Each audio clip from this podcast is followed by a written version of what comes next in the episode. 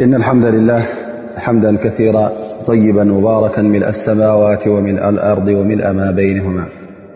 نحمده سبحانه وتعالى حمدا يوافي نعمه ويكافي مزيده وأصلي وأسلم على المبعوث رحمة للعالمين محمد بن عبد الله خاتم الأنبياء والمرسلين وعلى آله وصحبه وسلم أجمعين خبركم أحوات خبركن أحت السلام عليكم ورحمة الله وبركاته لوم إن شاء الله حدش حديث ن مالت إذا حديث ن شحديثأرعين النووية مالت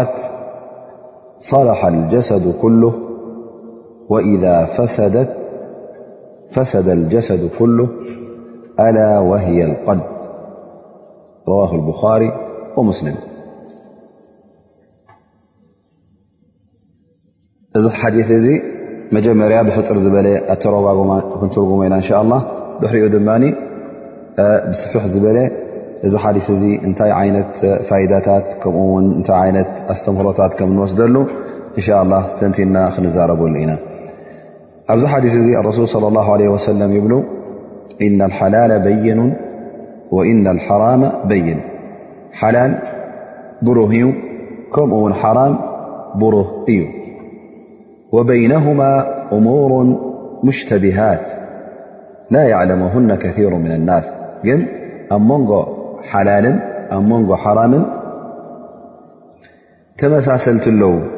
ኣጋገይቲ ኣለዉ፣ ብዙሓት ሰባት እውን ኣይፈልጥዎምን እዮም። ፈመን ተቀ ሽቡሃት ፈቐድ ስተብረኣ ሊዲን ወዒርድ ነቲ ሽቡሃት ነቲ ኣጠራጣሪ ዝኾነ ነገር ነቲ ዘይበረሀ ነገር እንተ ደኣ ካብኡ ርሕዕካ ካብኡ ተጠንቂቕካ ፈቀድ እስተብረኣ ሊዲን ወዒርድ ነቲ ዲንካን ነቲ ዕርድኻ ማለት ዕርድኻ ክበሃል እንከሎ ክብረትካ ማለት እዩ ንዕኡ ሓሊኻ ማለት እዩ ንኡ ድማ ካብ ሕማቕ ነፃ ኣውፅኢኻ እዮም ኣማ ወመን ወቃ ፊ ሽቡሃት ወቃ ፊ ልሓራም ኣብቲ ሽቡሃት ዝበሃል ኣብቲ ኣጠራጣርን ኣብቲ ዘይተለለየ ነገር ዘይበረሀ ነገር ኣብኡ ዝወደቐ ኸዓ እዚ ኣብ ሓራም ከም ዝወደቐ እዩ ዝቑፅር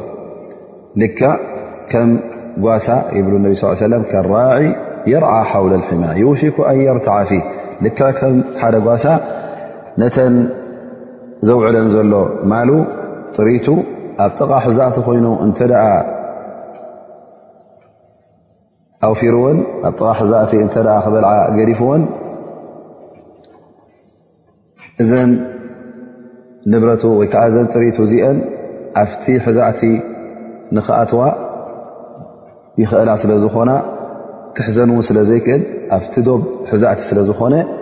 እዚ እውን ካብ ኢዱ መሊቐን ከይረኣየን እንከሎውን ክኣትዋ ስለ ዝኽእላ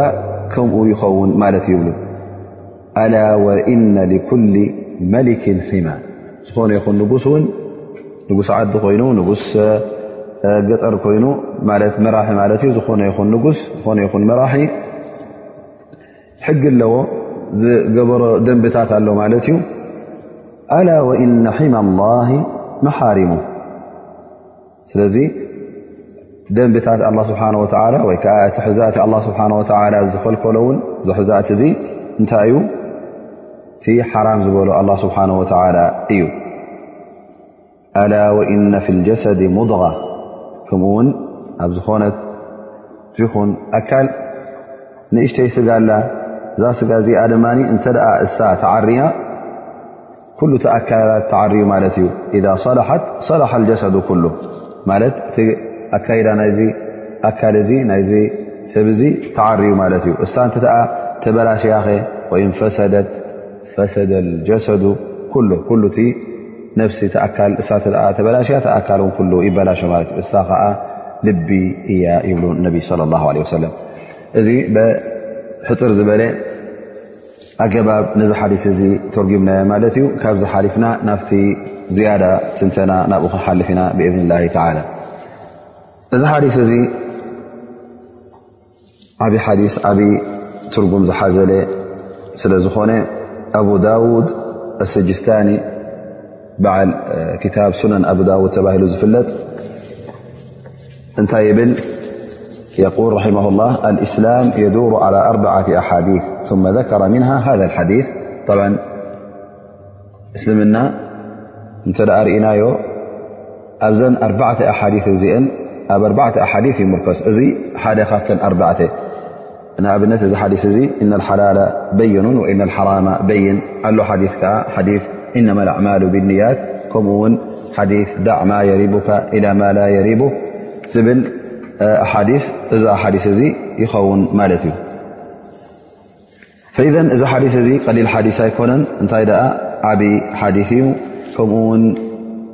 ዑለማእ ተገዲሶምሉ ምኽንያቱ ጣዕሚ ነቲ ናይ ጉዳይ ሓላልን ሓራምን ከመይ ጌርካ ምስኡ ከም ትቃዶ እዩ ዘርእካ ዘሎ ማለት እዩ ካብ ሓራም ከመይ ርካ ከምትጥንቀቕ ብሓላል እውን ስራሕካ ኩሉ ግዜ ናብኡ ጥራይ ከመይ ገይሮ ከም ዝኸውን ዝሕግዘካ ሓዲ ማለት እዩ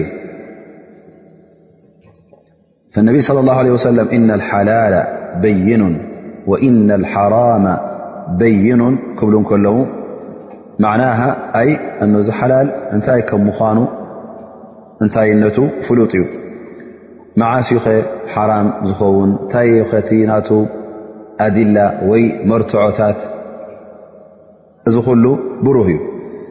እቲ ሓላል ንፁህ ሓላል ዝበሃል ኩሉ ግዜ ዘጠራጥር ነገር የብሉን ኣብ ሽርዒ እስልምና ብክታብ ቁርን ኮይኑ ብሱና ነቢ ኮይኑ ብሩህ እዩ መርትዖታት እውን ኣለዎ ተጠቂሱ ማለት እዩ ንኣብነት ኣብ እስልምና መርዓ ንክትምርዖ ሓላል ጠይባት ንፁህ ፅሩይ ምቁር ብልዒ ዝኾነ ንክትበልዕ ሓላል ክዳን ንክትለብስ እውን ካብ ጡጥ ተሰርሐ ኮይኑ ላ ውን ካብ ሱፍ ተሰርሐ ኮይኑ እዚ ኩሉ ንክዳካ ንክትለብሶ ሓላል ይኸውን ማለት እዩ ከምኡ ውን ሓራም ኣላ ስብሓን ወተላ ዝሓረሞ ውን ንፁሕ ሓራም ውፁእ ሓራም ዝኾነ ብሩህ እዩ ኣብ ክታብ ረቢ ኮይኑ ኣብ ሱና ነቢ መርትዖ ትረኽበሉ ማለት እዩ እዚ መርትዖ እዚ እውን ዘሰሓሕብ ኣይኮነን ውፁእ መርትዖ እኸውን ማለት እዩ ከም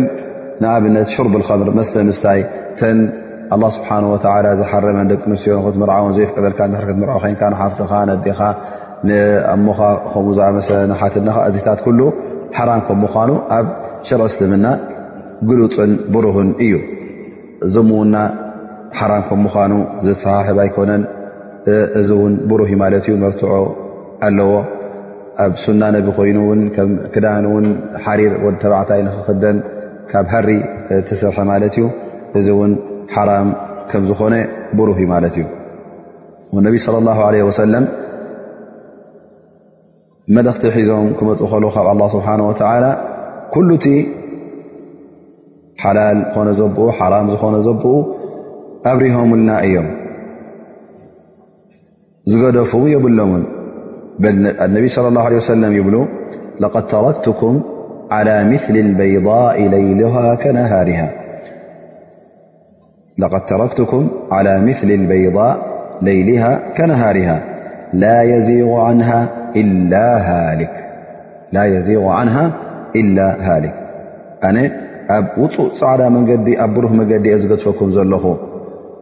ለይቱን መዓልቱን ሓደ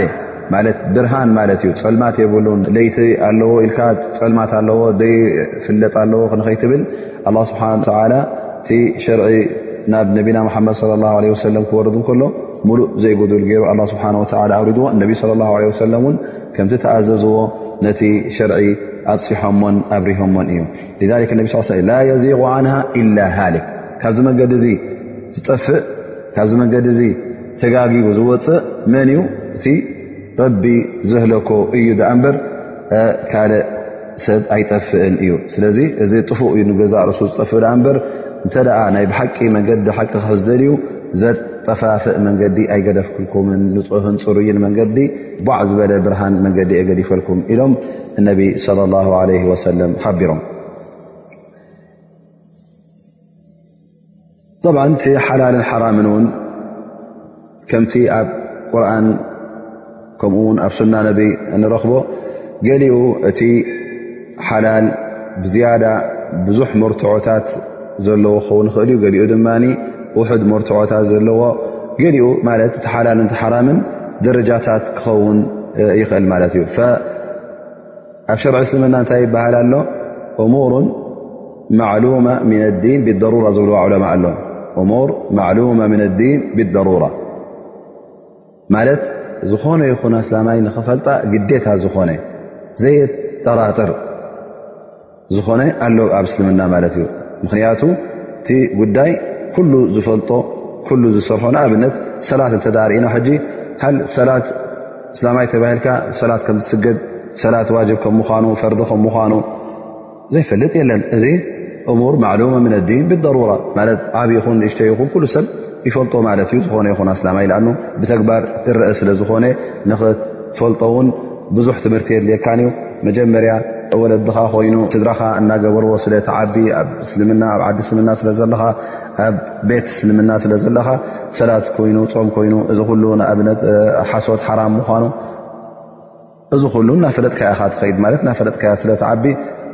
እዚ ግዴታ ዝኾነ ይኹን ኣስላማይ ዓበ ንእሽቶ ምሁር እውን ኣየድልዮን ማለት እዩ ወላ ዘይተማህረ ወላ ደንቆሮ ዝፈልጦ ማለት እዩ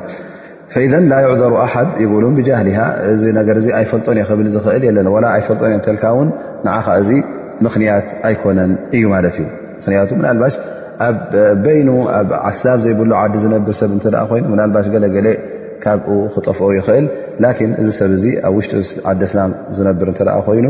ንዚ ነገር ዛት እዚ ኣይሕብኦን እዩ ማለት እዩ ኣሎ ድማ ካልእ ንኣብነት ሓላልን ሓራምን ዘይፈልጦ ሰብ ኣሎ ምክንያቱ ንዕኡ ንክትፈልጥ ክትምሃር ኣለካ ማለት እዩ ሸርዒ ዕሉም ሸሪዓ ክትፈልጥ ኣለካ ማለት እዩ እዚ ድማ እቶም ዑለማ እቶም ምሁራት ይፈልጥዎ ማለት እዩ እቶም ምሁራት ንገዛ ርእሶም እውን ሓደ ደረጃ ኣይኮኑን ኩሎም እውን ሓደ ዓይነት ኣይኮነን ፍልጠቶም ኣለዉ ዑለማ ተባሂሎም ልዕሊኦም ድማ ራሲኹን ኣፊልዕልሚ ዝበሃሉ ኣብ ዕልሚ ሸሪዓ እውን ብጣዕሚ ውርያት ዝኾኑ ፍልጠቶም ነቕ ዘይብል ድልዱል ፍልጠት ዘለዎም ዑለማ ኣለዉ ተሓተትካዮም ንዝኾነ ሕቶ ክምልሱ ዝኽእሉ በቲ ኣላ ስብሓን ወተዓላ ዝኸፈተሎም ናይ ዕልሚ መዳይ እዞም ሰባት እዚኦም ትዕልሞም ኩሉ ግዜ ዝበለፀን ዝለዓለ ንኸውን እዘን እሶም ዝፈልጥዎ ድማ ቶም ትሕቲኦም ዘለዉ ዑለማ ዘይፈልጥዎ ክኸውን ይኽእል እዩ ኣኑ እቲ ዕልሚ ንገዛእ ርሱ ሰፊሕ እዩ ስለዚ ብቀልልቲ ሰባት ክውሰን ኣይክእልን እዩ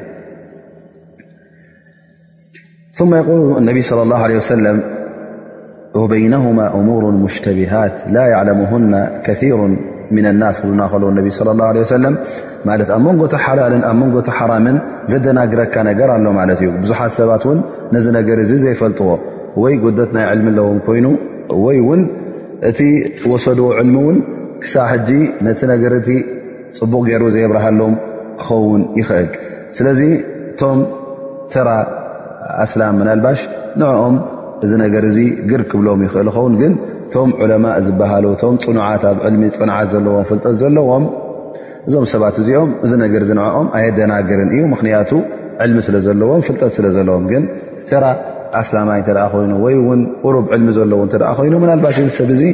ሙሽተቢሃት ዝበሃል ኣጠራጣሪ ዝበሃል ተመሳሳሊ ዝበሃል ኣብ መንጎ ሓራምን ኣብ መንጎ ሓላልን ሓላል ድዩ ሓራም ዩ እናበልካ ትጠራጠረሉ ነገራት ኣሎ ማለት እዩ እዚ እውን ምኽንያቱ ክንገልፆ ኢና እንሻ ላ ከመይ ገይሩ እዚ ነገር እዚ ኣብ ወዲ ሰብ ከም ዝመፅእ ፈኢዘን ከምቲ ልእማም እነው ዝብሎ ሙሽተቢሃት ክበሃል እንከሎ እቲ ሓላል ናትን ሓራም ናትን ብጣዕሚ ዘይበረሃልካ ክኸውን እንከሎ ኣብ ርእሲኡ ድማ ምናልባሽ እቶም ዑለማ ወላ ውን ነዚ ነገር እዚ ደሊል ዘይብሉ እንከሎ ግን እቶም ዑለማ ካልእ ኣድላ ካልእ መርትዖታት ስለ ዘሎ ብካልእ መርትዖታት እናጋጠሙ እናቀራረቡ እናመዛዘኑ ክፈልጥዎ ይኽእሉ ግን እቲ ዘይተማሃረ ሰብ ዕልሚ ዘይብሉ ሰብ ግን ወላ ነቲ ደሊል እናፈለጦ ከሎ እቲ ደሊል ከመይ ገይሩ ምዚ ጉዳይ እዚ ከም ዝጋጠም ከራኽቦ ስለ ዘይክእል እቲ ሓላልን እታ ሓራምን ተጋግዮ ማለት እዩ እንተ ደኣ ዓለም እውን ነስ ማለት መርትዖ እተ ዘይረኸበ እጅማዕ እተ ዘይረኸበ እቶም ዑለማ መብዝሕቲ ግዜ ብዙሕ ፍልጠት ስለ ዘለዎም መርተባ ናይ እጅትሃድ ዝበፅሑ ዑለማ ስለ ዘለዉ ድማ ወላ ነቲ ነገር እቲ ዝጠቅስ ሓዲፍ ወይ ከዓ ኣያ ኣይትሃሉ ድኣ እምበር ብካልእ ኣሓዲፍ ብካልእ ኣያታት ኣኻኺቦም እዛ ጉዳይ እዚኣ ኣብ ትሕቲ ኣየነይቲ ከም ትኣቱ ስለ ዝፈልጥዋ ተቓሊሶም ትናታ ውሳነን ትናታ ሕኩም ናታን ክፈልጥዎ ይኽእሉ እዮም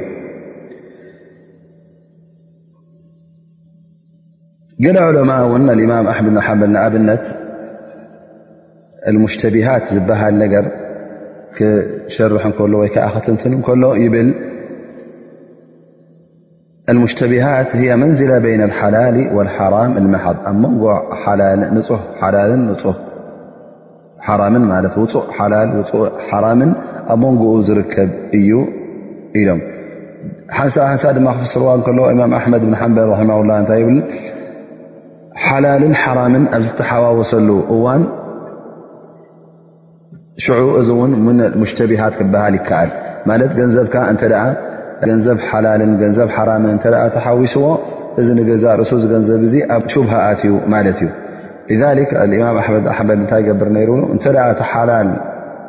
እሱ ዝበዝሐ ኮይኑ እቲ ሓራም ግን ብጣዕሚ ውሑድ እተ ኮይኑ እዚ ከም ሓላል ክቁፅር ኣለዎ ብሉ ነይሮም ማለት ዩ ገንዘብካ እተ ምስ ሓራም ገለ ተሓዋዊሱ መብዝሕቱ ናይ ሓላል እቶት እተ ኮይኑ እቲ ውሑድ ናይ ሓራም ንሱ ሓራም ይኸውን ማለት እዩ እቲ ኩሉ ግን ሓራም ክገብሮ ኣይክእልን እዩ ግን እንተ መብዝሕቱ ሓራም እተ ኮይኑ ነቲ ገንዘብካ ኩሉ እውን ከበላሽወልካ ክእል ወልሕክሙ ልልغለባ ይብሉ ነይሮም ማለት እዩ ኢዛ ካነ ሓላል ኣክር ወሓራም የሲር ጃዛ እስትዕማል ወኢዛ ካነ ብልዓክስ ኣይ የኮኑ ሙሓረመን ማለት እዩ ፈኢዘ መዓስ እቲ ተሻቡህ ዝመፅእ ወይ ከዓ ኣጠራጣሪ ዝኸውን መዓስ እዩ ኢሎም ዑለማ ነዚ ነገር እዚ እውን ተዘራሪቦም ሪኦም ማለት እዩ ንኣኑ ሓደሓደ ሰብ ሓደሓደ ግዜ ንሓንቲ ጉዳይ ካብ ብዙሓት ዕለማ ገለ ክሰምዖ ከል ሓደ ዓለም ብሓደ ሸነኽ ክዛረብ እንከሎ እታ ጉዳይ ከም ሓላል ገይሩ ከቕርባ ክሪኡ ከለዉ ገለ ድማ ካልኣይ ዓለም እውን ሓራም ገይሩ ከቕርባ ክሪኡ ከለዉ ገለ ሰባት እዛ ጉዳይ እዚኣ ንኣብነት ተሸግሮም ማለት እዩ ስለዚ ዕለማ ኢሎም እክትላፍ ዕለማ ንገዛእ ርእሱ እውን እክትላፍ ዕለማ እዚ እውን ሓደሓደ ግዜ ኣብ ምንታይ የውድቕ ማለት እዩ ናብ ሙሽተቢሃት የውድቕ ማለት እዩ ሓደ ዓለም ሓላል ክብላ ከሎት ሓደ ዓለም ሓራም ክብላ ከሎ እስኻ ሕጂ እዛ ነገር እዚኣ እንታይ ትኾነካ ኣላ ሃል ሓላል ድያ ሓራም ድያ ሕጂ ኣጠራጣሪ ትኸውን ኣላ ማለት እዩ ንመን ኢኻ ክትሰምዕ ነዚ ዓለም ዲኻ ክትሰምዕ ወላ ነቲ ብ ናይዚ ጉዳይ እዚ ምናልባሽ እስኻ ወይ ኣነ ወይ ካልኦት ዘይፈለጥዎ ንጥቢ ክህሉ ይኽእል ንሶም እቶም ዕለማ ክፈላለዩ ከለዉ እንታይ እዩ ዝመፅእ ማለት እዩ ክልተ መርትዖ ኣብ ሰለስተ ኣርባዕተ መርትዖ ይህልው እዚ መርትዖታት እዚ ክትሪኦ ከለኻ ዝገራጮ ዘሎ ይመስለካ ንዓኻ ማለት እዩ ዝገራጮ ዘሎ ንዓኻ ፊ ዛህር ተጅድ ተዓሩብ ግን ናይ ብሓቂ ተጋጨው ኣይኮነን ሕጂ እቶም ዑለማ እንታይ እዮም ዝጥቀሙ ማለት እዩ ነዚ ምግርጫው ዘሎ ነዚ ተዓርድ ዘሎ ከፅርዎን መውፅኢ ክረኽብሉ ድማ ይፍትኑ ማለት እዩ ስለዚ ኩሎም ነናቶም ኣገባብ ይጥቀሙ ማለት እዩ ስለዚ ሓደ ብዛዕባ እታ ጉዳይ ንኣብነት ሓላልያ ጃኢዝ ኢያ ኢሉ ክዛረብ ይኽእል ትካልኣይ ድማ ሓራም እያ ይብል ማለት እዩ ከምኡ ውን ገለ ዕለማ ኢሎም እዚ ሙሽተቢሃት ዝበሃል ኣየና እዩ ይብሉ እቲ መክሩህ ኢሎም ዕለማ ዝጠቀስዎ እዚ ነገር እዚ ንክትገብሮስ መክሩህ እዩ ክብልዎ ከለዉ እዚ ካብቲ ሙሽተቢሃት ይቁፀር ማለት ይብሉ ስለምንታይ እንተበልና እዞም ዕለማ ከምዚ ገይሮም ይምልሱ ማለት እዩ መክሩህ ክበሃል እንከሎ እዚ መክሩህ እዚ ማለት ፍቱው ኣይኮነን ኣላ ስብሓን ወተላ ኣይፈትዎን እዩ ግን ኣብ ደረጃ ናይ ሓራም ኣይበፅሐን ግን ናብ ሓራም ከቕርበካ ስለ ዝኽእል መገዲ ሓራም ከላመደካ ስለ ዝኽእል ብኡ መክሮ ኮይኑ ማለት እዩ ስለዚ ኣብዚ ከም ዝኣመሰለ ጌጋ እንተ ክትወድቕ ኮንካ ነዚ መክሩህ እዚ እንተ ኩሉ ግዜ ክትፍፅሞን ክትገብሮን ትርከብ ኮንካ እዚ እንታ ሕጂ ዝገብረካ ዘሎ ማለት እዩ የተባብዓካ ኣሎ ማለት እዩ መክሩህ እናብዛሕካ እተ ከድካ ናፍቲ ሓራም ንክትወድቕ ውን ትተባባዕ ማለት እዩ ቀስ ንብቐስ ውን ኣበይ ክትበፅሐ ኢኻ ኣብቲ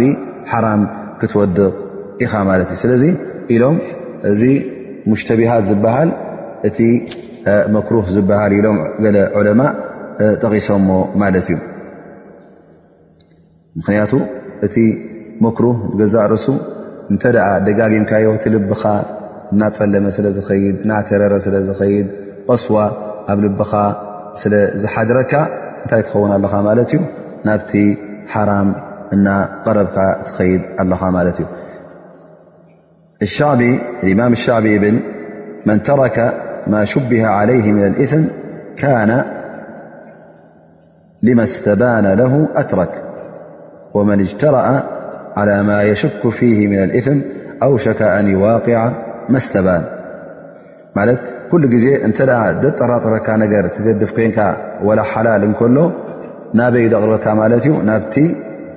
ሓላል ጥራይ የቕርበካ ካብ ሓራም ድማ ካብቲ ውፁእ ሓራም እውን የገላግለካን የርሓቐካን ግን እንተ ኩሉ ግዜ እቲ ወላ እናተጠራጠርካ ከለኻ ሓራ እናበልካ ከለኻ ጥርጣርን ከለኻ ስቕኢልካ እተ ነዚ ነገር ዝትገብሮ ኮንካ እዚ ናበይ ዘሕልፈካ ማለት እዩ ቀስ ብቐስ ናብቲ ሓራም ንክትኣቱ ስለ ዝደፋፍኣካ እዩ በል ገለ ዕለማ እውን እንታይ ኢሎም እቲ ሙሽተቢሃት ዝበሃል ሙባሕ ነገር እውን ክኸውን ይኽእል እዩ ካብቲ ሙባሓት ካብቲ ሓላል ዝኾነ ነገራት እውን ክኸውን ይኽእል እዩ ኢሎም ማለት እዩ እንታይ ማለቶም እዙ እዚ ሙባሕ እዚ ኣላ ስብሓን ወተላ እውን ሓላል ገይርዎ እንከሎ እንተ ደኣ ካብኡ ብብዝሒ ትጥቀም ኮንካ ወይ ከዓ ናብኡ ጥራይ እተ ተድህብ ኮንካ ምናልባሽ እዚ እውን ናብ ሓራም ከውድቐካ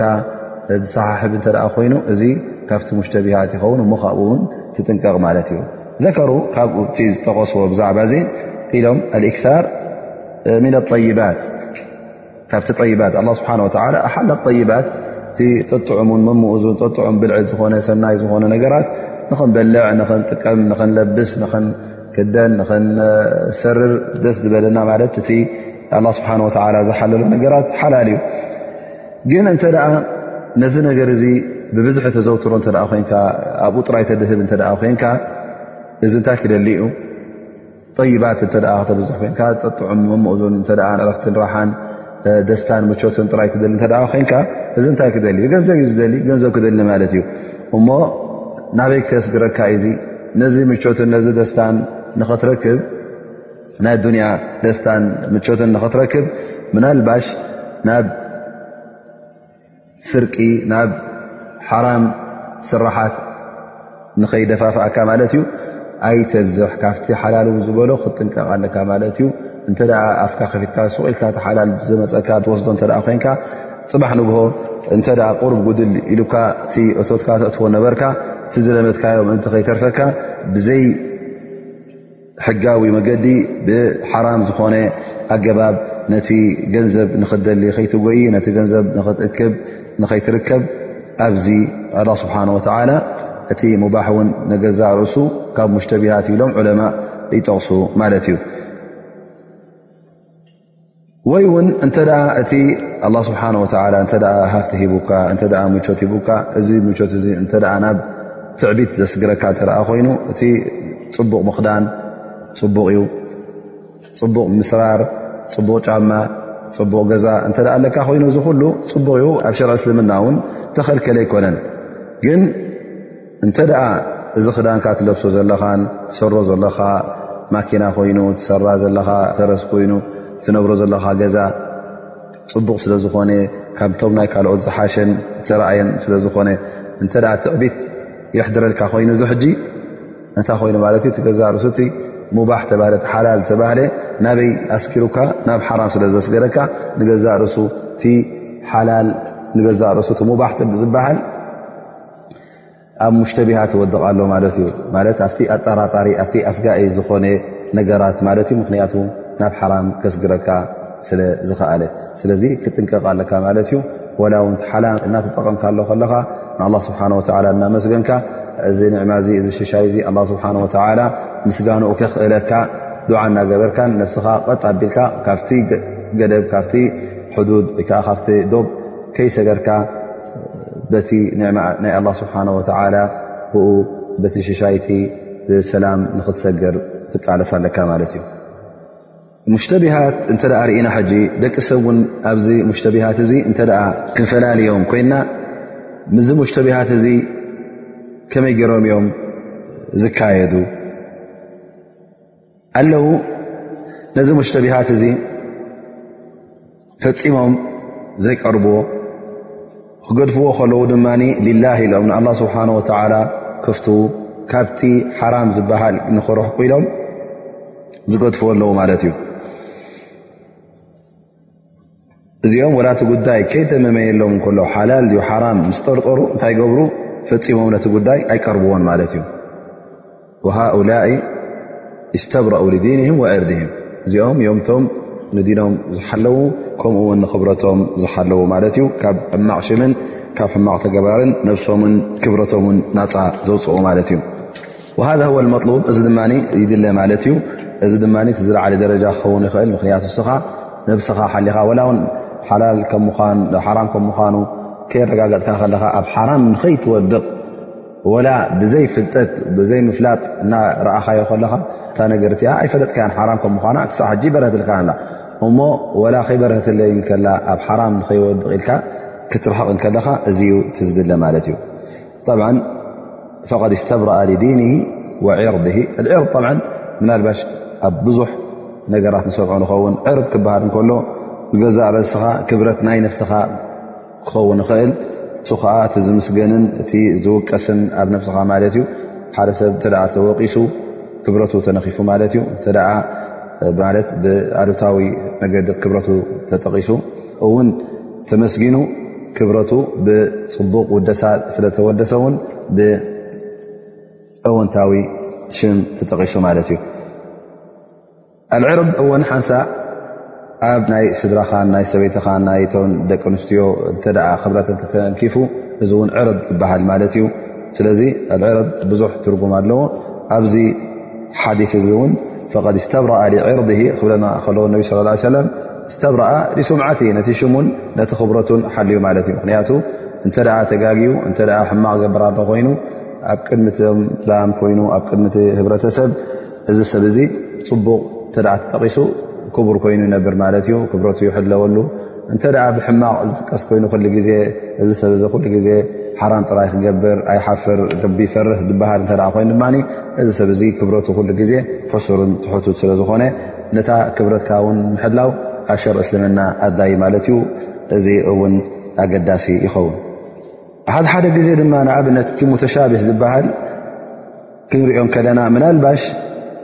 ኣብ ዓይኒ ካልኦት ሙተሻቢህ ኸውን ግን ኣብ ዓይንኻ ሙተሻብህ ኣይኮነን ብሩህ ይኸውን ማለት እዩ ስለዚ ከምዚ ክርከብ እንከሎ ውን እቲ ጉዳይ እንተገደፍካዮ ዝበለፀ ይኸውን ማለት እዩ ወይ ከዓ እዚ ነገር ዝትገብሮ ዘለኻ ንሰብ ክተብርሆ ኣለካ ማለት እዩ ንኣብነት ይብሉ ነዚ ጉዳይ ዘመሳስል ነቢይ ለ ላ ለ ወሰለም ምስ ሰፊያ ደው ኢሎም ከለዉ ሰፊያ ሰበይቶም እያ ግን ሓጂባ ስለ ዝነበረት ሰብ ኣይፈልጥዋን እያ መን ከም ምኳና ኣይፈልጥዋን እያ እቶም ኣስሓብ ነቢ በቲ ጥቕኦም ክሓልፉ ከለዉ እነቢ ስለ ላ ለ ሰለም ፀዊዖም እዚኣ እንታይ ደው ኢላ ዘላ ኮ ሰፊያ ኢሎም ነጊሮሞም ማለት እዩ ያ ረሱላ ላ እንታይ ንሕና መዓስ ንጠርጥረካ ኮይና ኢሎም መሊሶምሉ ማለት እዩ ነቢ صለ ላ ለ ወሰለም ምእንቲ ሸይጣን ነዞም ሰባት እዚኦም ከየጋግዮም ሓንቲ ሰበይቲ ኣብ ከም ዝኣመሰለ በይኖም ደው ኢሎም ነይሮም እንታይ ከም ምዃናን ብዕላ ገለሜታት ንኸይባ ሸጣን ከየጋግዮም ከይዛረቡን ሕፋዘ ዓላ ዕርድ ምእንቲ ብድሕሪ ነቢ ስ ሰለ ነቢ ከምዚ ገይሮም ከምዚ ኢሎም ኢሎም ንኸይዛረቡ እዞም ሰባት እዚኦም ነቢ ስ ሰለም እዚኣ ሰፊያ ኢሎም ጠቒሶምሎም ማለት እዩ ስለዚ እንተ ደኣ ንኣብነት ሕጃ ከም ካልእ እውን ኣብነት ምስላ ክነቕርብ እተ ኮይና ነቢ ስ ሰለ ሰፍያ ምስ ኣደው ምባል ሓራም ኣይኮነን ሰበይቶም እያ እዚ ግን ኣብ ዓይነቶም ካልኦት ሓራም ንኸይከውን ኣብርሆሞ ማለት እዩ ንኣብነት እውን ክንወስድ ካልእ እተ ኮይና እንተ ሓደ ሰብ ኣብ ሸርዕ እስልምና ሕጂ ናይ ክርስትያን ስጋ እተ ብስም ኣላ ኢሎም ሓሪዶሞ ክበልዑ ወኢሎም ዝሓርቡ እተ ኮይኑ ይሁዳውያን ኮይኑ ክርስትያን ኮይኑ ኣስላማይ ንክበልዖ ሓላል እዩ ንኣብነት ግን ሓደ ሓደ ግዜ እቲ ህብረተሰብ ዘለካዮ እዚ ነገር እዚ ክሳዕ ሕጂ ዘይርድኦ እተ ኮይኑ ኣብ ቅድሜኻ ወላ እቲ ነዚ ስጋሲ ምብላዕ ሓላል ከም ምዃኑ ትኣምን ኮይንካ ግን ገና እቲ ህብረተሰብ እዚ ጉዳይ እዚ ዘይተረድኦ እንተ ኮይኑ ነዚ ነገር እዚ ስኻ ሕጂ ሓላል ኢልካ ኣብ ቅድሚኦም ክትበልዕ ይብልካ ምኽንያቱ እዚ ንገዛእ ርእሱ እንታይ እዮም ክብሉ ፍላን ዕዲ ፍላን ቸኽ ተባሂሉ ዓለም እናፈለጠ ከሎስ ከም ዝኣመሰለ ጌጋ ፈፂሙ ኢሎም ኣብቲ ህብረተሰብ ነቲ ክብረት ናትካ ስለ ክሕስርዎ ዝርከቡ ክሳዕ ዝበርሃሎም ነዚ ነገር እዚ ተገደፍካዮ ይበልፅ ማለት እዩ ምኽንያቱ ሒፋظ ዓላ ዕርዲ እሶም ድማ ነዚ ነገር እዚ ስለ ዘይፈልጥዎ እዚ ጉዳይ እዚ እንታይ ይኸውን ሙተሻብህ ኮይኑ ሹብሃ ዘምፅእ ኮይኑ ይርከብ ማለት እዩ ገለ ሰባት ድማ እቲ ሙተሻብህ ዝበሃል ይገብርዎ ክገብርዎ ከለዉ ግን ስለምንታይ እዮም ዝገብርዎ እዚ ጉዳይ እዚ ምስቲ ናቶም ድልት ስለተሰማምዐ እዚ ጉዳይ እዚ እቲ ዊንታ ናቶም ስለ ዘርውየሎምን እቲ ድልት ናቶም ምስ ስለተሰማምዐ ሕጂ እንታይ ይብሉ እዚኣ ኮ ዕለማ ክተሪፎምላ እዮ ይብሉ ሕጂ ናይ ነይተ ንመርፁ ወደታ ሓራም ዝበለ ገዲፎም ምስቲ ሓላል ዝበለ ኮኑ ስለምንታይ ምስ ከይዶም እቲ ደሊል ዓጂብዎም ወይ ከዓ እቲ ዓልም ንዕኡ ዝያዳ ዝኣምንዎ ኮይኖም ኣይኮኑን፣ ዕልሙ ዝያዳ ኣለዎ ኢሎም ዝፈልጥዎ ነገር እውን የብሎምን፣ እቲ ዝሃቦ ደሊል እውን ዝሃቦ መርትዖ እዚ ዓልም እዚ እውን ኣእሚንዎም ማለት ኣይኮነን፣ እንታይ ደኣ እቲ ዝበሎ እዚ ዓልም እዚ ምስቲ ናቶም ዊንታን ምስቲ ናቶም ስምዒትን ስለ ተወሃሃደ ስለተሰማምዐ ንዕኡ ይመርፁ ማለት እዩ።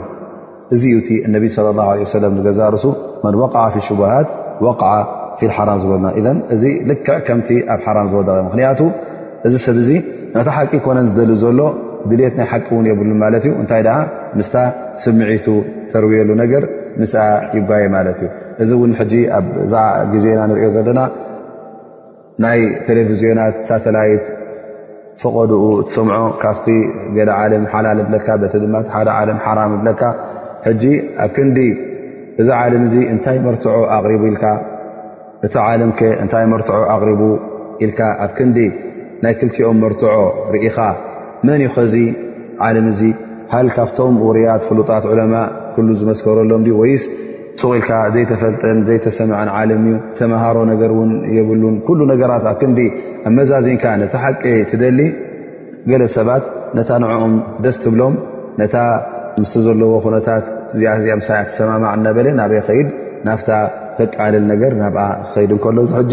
ድልት ናይ ሓቂ የብሉን ማለት እዩ እንታይ ደኣ ድልት ናይታ ዊንታናቱ እዩ ዘለዎ ማለት እዩ ነቲ ፈትዋ ክኽተል እንከሎ ነቲ ቃል ናይዚ ዓለም ዝኽተል እንከሎ እውን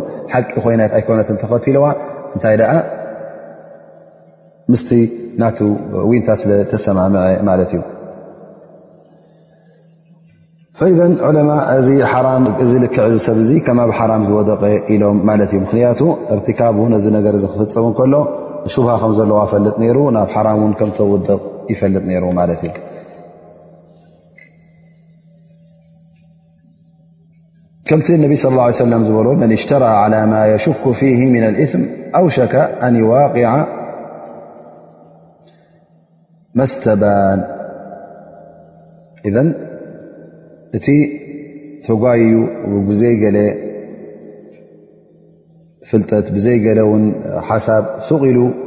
ተጓይዩ ናብቲ ኣጠራጣሪ ነገር ዝኾነ ጌጋ መሰል ዘለዎ ንጌጋ ዝመስል ናብኡ እንተ ሱቕ ኢሉ ዝወድቕ ኮይኑ ሓደ ሰብ ኣብቲ ብሩህ ዝኾነ ጌጋ ውን ቀስ ብቐስ ክወድቕ ኢሉ ይብሉ እነቢ صለ ላ ለ ወሰለም ፈኢዘን ሓደ ሰብ እንተ እቲ ጉዳይ ዘይበረሃሉ ኮይኑ ሓላል ድዩ ሓራም ስለዚ ከይ ፈለጠ ከሎ ምእንቲ ኣብቲ ሓራም ንኸይወድቕ ምናልባሽ ምኽንያቱ እዚኣ ሓ ከሚ ሓላ ሓ ከሚ ሓራም ትህባ እተ ኣለኻ ኮይንካ እንታይ ትኸውን ማለት እዩ እዘን እስኻ ምናልባሽ ናብ ሓራም ንኽትወድቕ ሓ ከሚ ኣለካ ማለት እዩ እዘን ንኽትወድቕ ቀረባ ኣለኻ ማለት እዩ እእቲ ደረጃ ናቱ ኣብ ቀረባ ስለ ዝኾነ እዘን ነቲ ዲንካ ንኽት ሕሉ ነቲ ዲንካ ንክትሓፍዝ ኢልካ ኣብ ከም ዝኣመሰለ ጌጋታት ክትወድቕ የብልካን ማለት እዩ ጠብ ዑለማ ብዛዕባ እዚ ሙሽተቢሃት እዚ ብዙሕ ተዛሪቦም ገሊኦም ኣብዚ ሙሽተቢሃት እዚ ኣብዚ ኣስጋዒ ነገራት እዚ ኣጠራጣሪ ነገራት ኣብኡ እንተ ወዲቕካ ገሊኦም እዚ ተግባር እዚ ፍፁም ንፁ ፅሩይ ሓራም እዩ ዝበሉ ኣለዉ ገሊኦም ድማ እዚ መክሩህ ኣብ ደረጃ ናይ መክሩህ ዝበፅሕ ይብሉ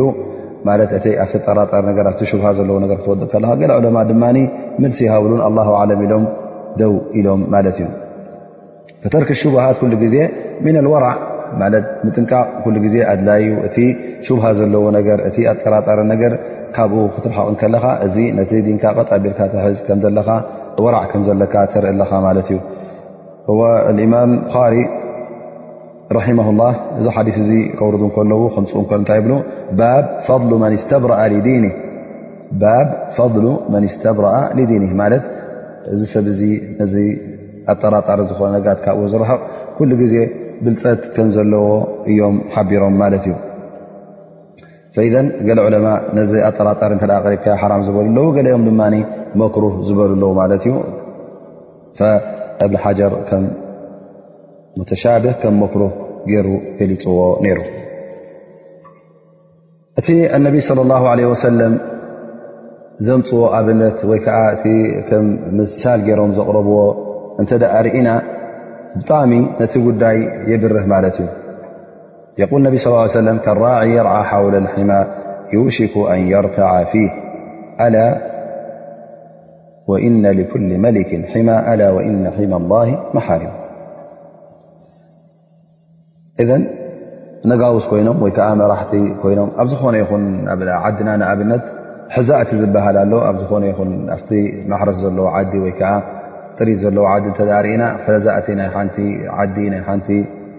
ገጠር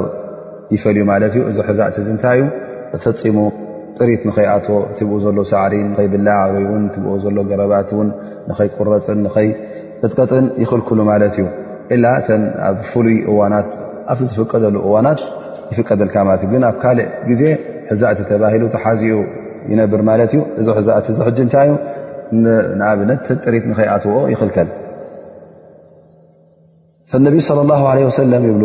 ዝኾነ ይኹን ዓዲ ወይከዓ ዝኾነ ይኹን ንጉስ ኣለዉ ከምዚ ሕዛእቲ ዝኣመሰለ እቲ ሕዛእቲ ናቱ ከዓ እቲ ዘውፅኦ መምርሕታት ይኸውን ማለት እዩ እንተ ደኣ ሓደ ጓሳ ጥሪቱ ኩጋስ እንከሎ ኣብ ጥቓ ዚ ሕዛእቲ እዚ እተ ከብልዐን ፈቲኑ ፈፂሙ እዘን ምስ ዘለዋ ጥሪት ካብቲ ሕዛእቲ ክኣትዋ ይኽልክለን ክእለት የብሉን ምኽንያቱ መጀመርያ ንሱ ክጓስዮን እከሎ ኣብቲ ጥቓ ሕዛእቲ ይምፅዎን ዘሎ ማለት እዩ እታ እንስሳ ድማ እናበለዐት ከላ ቀስ ብቕስ ኣብቲ ዝሓሸን ኣብቲ ዝሓሸን ስጉምቲ ስጉምቲ እናገበረት ናበይ ክትኣትያ ማለት እዩ ናብቲ ሕዛእቲ ክትኣቱ ማለት እዮ እንስሳ ድማ ኣእምሮ የብላን ሕዛእቲ ከም ምኳኑ ኣይትፈልጦን እያ ስለዚ እንተ ኣስኻ እዘን ጠለበጊዕካ እዘን ጥሪትካ ኣብ ጥቓ ሕዛእቲ ተብልዐና ኣለካ ኮይንካ ፈፂመን ኣይኣትዋን እየን ኣብቲ ሕዛእቲ ኢልካ ክተኣማመን ኣይትኽእልን ኢኻ ምክንያቱ እንስሳ ስለ ዝኾነ ኣእምሮ የብላን ሕዛእቲ ከም ምኳኑ ይትፈልጥን እያ ስለዚ ቀስ ብቐስ ክትኣትያ ማለት እዩ ስለዚ እስኻ ድማ ክትቅፅዓ ኢኻ ኣላህ ስብሓን ወተዓላ እውን ልክዕ ሕዛእቲ ኣለዎ ማለት እዩ እቲ ሕዛእቱ እንታይ እዩ መሓሪም እቲ ሓራም እዩ ዝበሎ እዚ እዝን እን እን እን ሓራም ኢሎ ኣላ ስብሓን ወተላ ነቢ ስ ሰለም ዝነገሩና እዚ ነገር እዚ ሓራም ስለ ዝኾነ ኣብ ጥቕኡ ፈፂምካ ክትቀርብ የብልካ ኣብ ጥቕኡ ዘቀራርብ ነገር እተ ርኢኻ እውን ነዚ ነገር እዚ ክትቀርቦ የብልካ ማለት እዩ ምክንያቱ እዚ ሙሽተቢሃት ዝበሃል ኣብቲ ጥቑ ክቕርበካ ስለ ዝኽእል ኣዚ ሙስተቢሃት እዚ እተደኣ ገርካ ድማ ናብቲ ሓራም ከስግረካ እዩ ስለዚ እዚ ኣብነት እዚ እነቢ ስለ ላ ለ ወሰለም ዘርኣዩና ኣላ ከራዕ የርኣ ሓውለ ልሒማ ዩሽኩ ኣን የርትዓ ፊ ከምቲ ጓሳ ኣብ ጥቓ ሕዛእቲ ኮይኑ ጥሪቱ ዘውዕል እዚ ጓሲ ከምኡ ኢኻ ትኸውን ዘለኻ ማለት እዩ እንተ ኣብቲ ሙሽተቢሃት ዝበሃል ነገር ወዲቕካ ነቲ ሙሽተቢሃት እተ ትገብር ኮንካ ነቲ ሽብሃ ዘለዎ ነቲ ጠራጣሪ ዝኾነ ነገር ذ እብኒ ረጀብ ይብል ራማ ላ እዚ ሕጂ ዓብ ምልክት ሂቡና ኣሎ ኣነቢ صለ ላ ለ ወሰለም ካብቲ ሓራም ዘብኡ ፈፂምና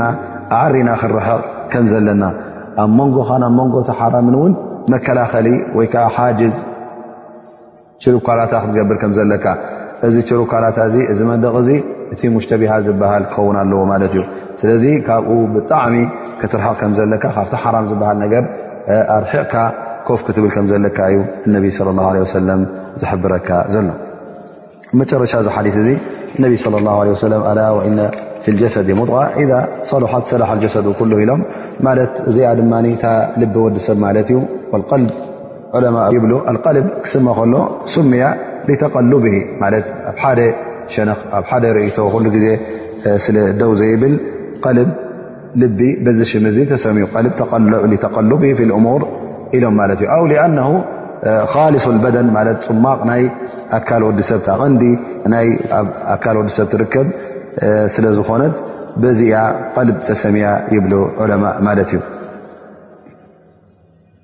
ብ ኣላ ስብሓን ወላ ኩሉ ግዜ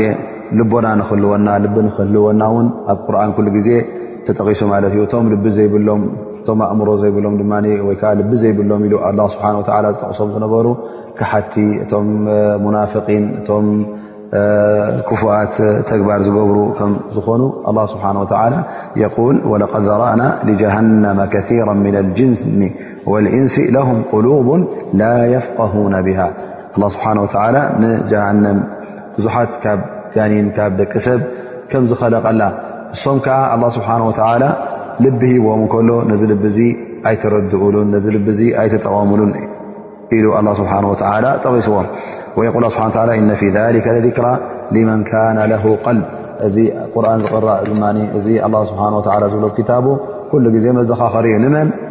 ነቲ ልቢ ዘለዎ ነቲ ዝርዳእ ነቲ ለባም ሰብ ማለት እዩ እተ ለባም ዘይኮንካ ልቢ እተ ዘይብልካ ንዓኻ ዝጎድእ እተዘይኮይኑ ንዓኻ ዝጠቅም ኣይትጠልብን ኢኻ ኣነቢ ስለ ላሁ ለ ወሰለም ኣብዚ ሓዲስ እዚ እታ ልቢ ቀንዲ ከም ምዃና ነቲ ኣካል ኩሉ ነቲ ምንቅስቓሳት ናይ ወዲ ሰብ ውን ለባም ክትበሃል እተ ኮንካ ዘለካ ልቢ ማለት እዩ ዘለካ ቀልቢን ዘለካ ተረድኦን ኢኻ ትጥቀም እተ ዘይተጠቐምካ ግን እዚ ልቢ እዚ ኣይተጠቐምካሉን ማለት እዩ ልቢ ንገዛ ርእሱ እውን ይሓምም እዩ የል ስብሓ ኣፊ ቁሉብም መረض ኣም ይርታቡ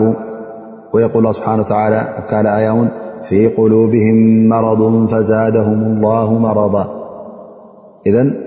ሕማም ናይ ልቢ ኣሎ እዚ ሕማም ግን ኣካላዊ ሕማም ኣይኮነን እንታይ ደኣ ናይ ዲን ሕማም ማለት እዩ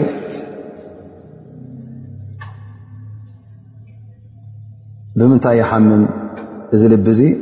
ቀዳማይ ነገር ብኒፋቅ ዝበሃል ረሲእነት ማዕና እዚ ሰብ እዚ ኣሚነ እናበለ ዓቂዳ እምነት ኣለኒ ልበይ ተውሒድ ኣለዎ እምነት ሰፊሮ ክብል ኣብ ቅድሚ ሰብ እናተዛረበ ከሎ ግን ብውሽጡ እዚ ልቢ እዚ ካብ እምነት ካብ ተውሒድ ባዶ ክኸውን ከሎ እዚ ሓደ ካብቲ ሕማማት ናይ ልቢ ኸውን ማለት እዩ ከምኡ ውን ጥርጠራ እንተ ኣለካ ኮይኑ ብዛዕባ እስልምና ብዛዕባ ኣብ ቁርን ተጠቐሰ ኣያታት ብዛዕባ ኣብ ሱና ነቢ ቅኑዕ ሱና ነቢ ማለት ሰሒሕ ሱና ዝተባህለ ነገራት ብዛዕባኡ ውን ጥርጠራ እንተ ዝሓድረካ ኮይኑ እዚ እውን ሕማም ልቢ ኣለካ ማለት እዩ ከምኡ ውን ክሕደት ብዓቢኡ ንገዛ ርእሱ ሕማም ናይ ልቢ ልቡ ዝሓመመ ዩ ኣብ ክሕደት ዝወድቕ ከምኡ ውን ትዕቢት ልብኻ ውን ቂምታ ዝሕዝ እተ ኮይኑ ሓሰድ እተ ኣለካ ኮይኑ ልብኻ ውን ቃሲ ማለት ተሪር ልቢ ማለት ንሓቂ ዘይምለስ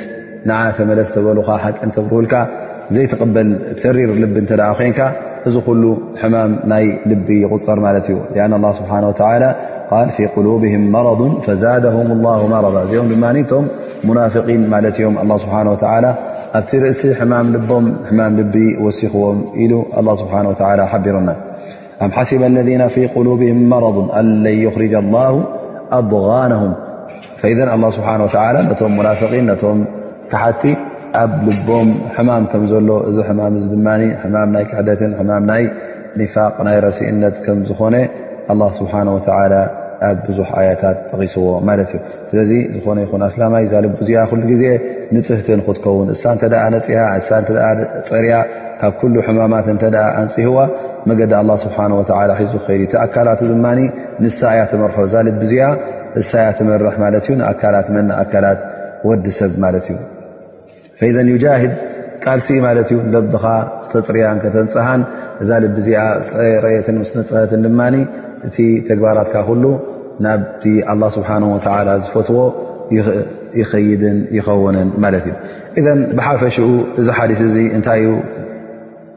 ዝበና ዘሎ እንታይ እዩ ዘረዳእና ዘሎ ዓብይ ፋይዳ ዝበና ዘሎ ዝኾነ ይኹን ኣስላማይ ሲ ካብቲ መሓርምላ ካብቲ ኣላ ስብሓን ወተላ ዝሓረሞ ካብኡ ፈፂሙ ክረሕቕ ኣብ መንጎ እዚ ሓራም እውን ኣብ መንጎኡን መከላኸልን መጋረድን ክገብር ኣለዎ ማለት እዩ ኣብቲ ጫፍጫፍ ኣብቲ ጥቕኡ እውን ክቐርብ የብሉን ከምኡ ውን ዝኾነ ይኹን ኣስላማይ ክብረቱ ክሕሉ ኣለዎ ማለት እዩ እዚ ሽሙን ክብረቱን እውን ኣብ መልሓስ ደቂ ሰብ ብክፉእ ክጥቀስ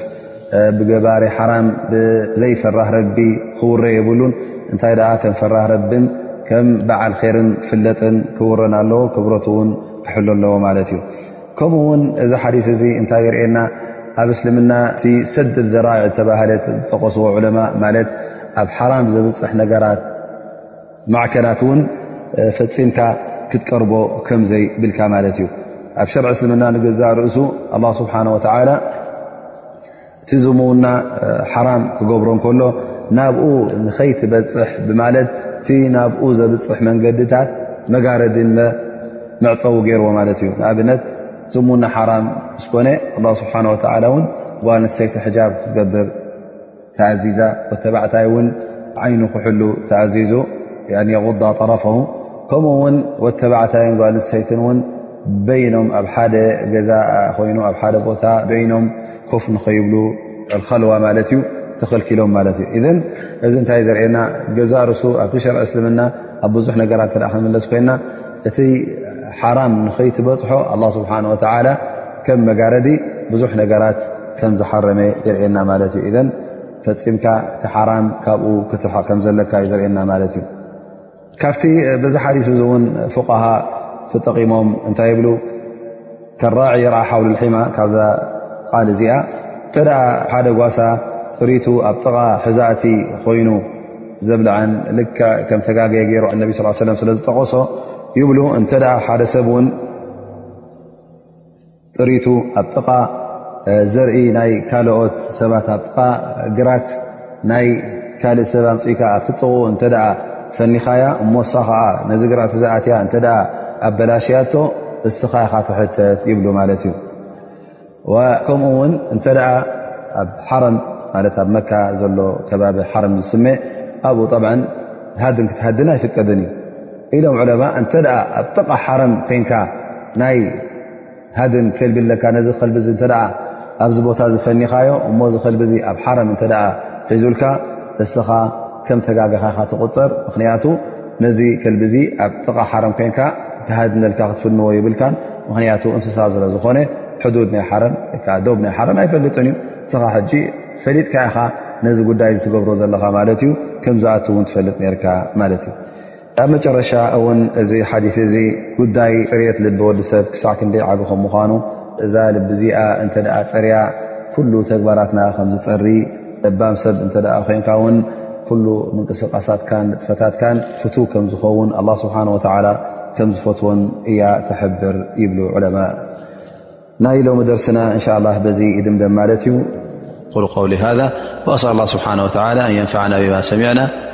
وأن يعلمنا ما ينفعنا وصلى الله على نبينا محمد وعلى آله وصحبه وسلم أجمعين